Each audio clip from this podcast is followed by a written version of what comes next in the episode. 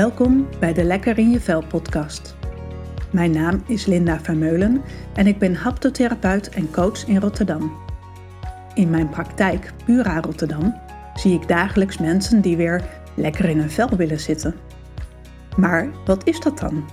En waarom zit je dan nu niet meer lekker in je vel? In deze serie belicht ik thema's waar je zoal last van kunt hebben. Ik ga daarover in gesprek met klanten en collega-haptotherapeuten. Mensen waar ik bewondering en respect voor heb. Dat wissel ik af met afleveringen waarin ik steeds een aspect uit de haptonomie belicht. Luister je mee?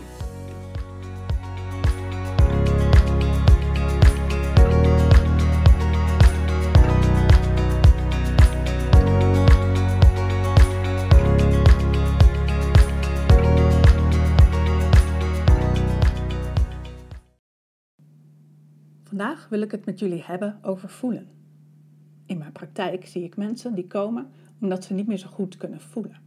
Ze zijn zo met hun hoofd bezig dat ze niet meer weten wat ze voelen. Of ze zijn zo op anderen gericht en gaan eerder mee op wat de ander wil en zijn daardoor verleerd stil te staan bij wat ze zelf willen. Sterker nog, ze geven ook aan dat als ze daar wel bij proberen stil te staan, dat het leeg is dat ze gewoon echt niet meer weten wat ze zelf willen. Het mooie nieuws is dat iedereen kan voelen. Onze tastzin ontwikkelt zich al in de vijfde week in de baarmoeder. Al tastend ontdekken we ons eigen lijf. Als baby kan je heel goed voelen en reageer je daar ook heel direct op. Je geeft bijvoorbeeld aan als je honger hebt of dorst, een natte luier hebt of je je onbehagelijk voelt. Dat is zo primair en zo direct. En het denken ontwikkelt zich later. En vanaf de kleuterschool krijg je daar ook les in. Maar les in voelen krijgen we niet. Blijkbaar gaan we ervan uit dat we dat gewoon kunnen. Of vinden we het in onze maatschappij gewoon minder belangrijk. Daarmee vergeten we dat we gewoon goed kunnen voelen. En komt het ook wat meer op de achtergrond. Dus laten we eens gaan voelen. Stel, je zit nu aan de tafel. Ga dan eens met je hand over de tafel. Voel maar aan hoe het voelt. Hard, glad of zacht. Um, heeft het butjes? Voelt het koud aan of warm? En ga dan eens met je hand over de stoel of over een kussen of over je kleding. Hoe voelt dat? Is het ook hard? Of is het zacht? Is het kriebelig? En wat voelt fijner voor je? Of misschien roept het gewoon iets anders bij je op. hard kan gaan over, nou, dat is wel lekker duidelijk, stevig, geeft steun of actie. En zacht, ja, is misschien wat meer verzachting, ook bij jezelf. Ja, van die verzachting kan je rustig worden of juist onrustig. Maar in de basis gaat het over het voelen. Opmerken wat je hand voelt. Temperatuur, hard, zacht. En als je buiten loopt, voel je misschien de koude lucht op je wangen of juist de zon die op je lichaam schijnt en de wind door je haren. Voel maar wat er is. Als je in de keuken staat, kan je ook verschillende materialen voelen. Het aanrechtblad, de pollepel, de vloer onder je voeten, een appel of ander soort eten. Of ook je kleding natuurlijk. En al die materialen, die voelen anders aan. En dat is dus de basis van voelen onze tast. En met die tastzin kan je dingen voelen buiten je lijf, maar ook in je lijf.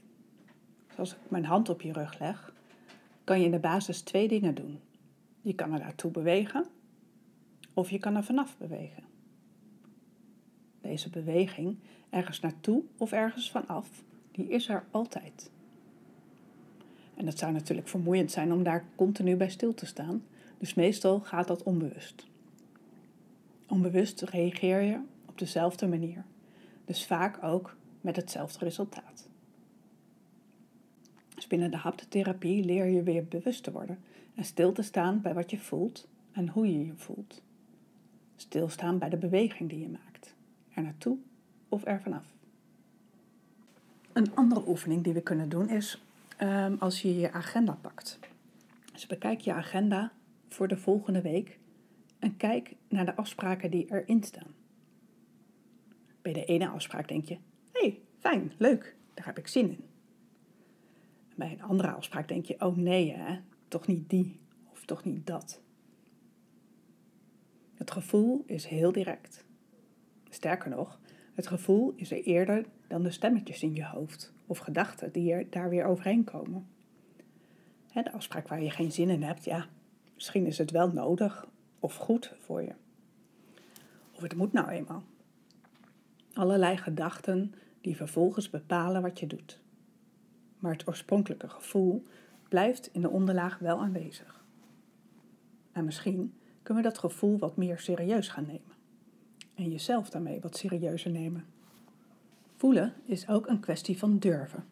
Jezelf weer serieus durven nemen. Vaak wordt dat wat we voelen weer geremd of onderdrukt door gedachten, normen en waarden, zoals doe maar gewoon, dan doe je al gek genoeg. Of dat hoort nou eenmaal zo. Of ik moet het goed doen. Overtuigingen hoe jij vindt dat het hoort. Die zijn vaak heel sterk en die beïnvloeden hoe je gewoon bent om te doen. Zoals je nu zo staat of zit, ligt of loopt, neem dan een gebeurtenis in gedachten van iets waar je heel blij van werd. Wanneer was de laatste keer bijvoorbeeld dat je heel blij voelde? Het maakt niet uit welke, welk moment er bij je opkomt, maar denk eens aan die gebeurtenis. Sta er weer even bij stil. Hoe voelt dat in je lijf? Misschien merk je op dat je mondhoeken omhoog krullen, dat je een glimlach krijgt op je gezicht, dat er iets verandert in je hartstreek of in je borst. Merk op wat er verandert bij je. En neem nu een gebeurtenis in gedachten waarbij je boos voelde, opstandig. Haal weer eens even op in die gebeurtenis. En merk op wat er dan gebeurt in je lijf. Misschien zak je je mondhoeken weer naar beneden en verstrakt het wat in je gezicht.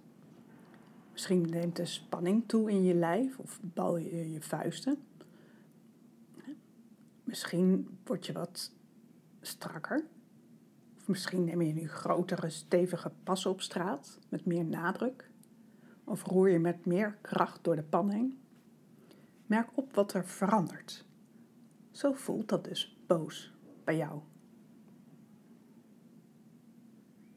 Als je je zo meer bewust wordt van de signalen die je lijfje geeft, kan je ze ook beter gaan herkennen.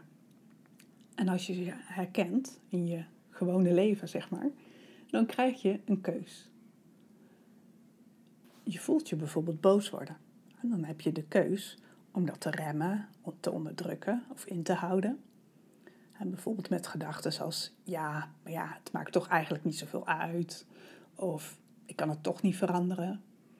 Of je wilt conflicten vermijden. Maar je kan ook de andere kant op bewegen en er wel iets mee doen. Het zeggen wat er bij je leeft, wat er, wat speelt. Het zeggen waar je boos over bent. Zeggen hoe jij het ziet of het jij zou willen. En die keus om er wel wat met de boosheid te doen of het juist te remmen, hè, dat je die keus maakt, maakt dat je jezelf meer serieus neemt. Dat je meer gaat leven naar wat jou drijft en wat jou beweegt. En dat je dichter bij jezelf blijft. En daarmee steviger in het leven staat. En dat je dus fijner in je vel zit.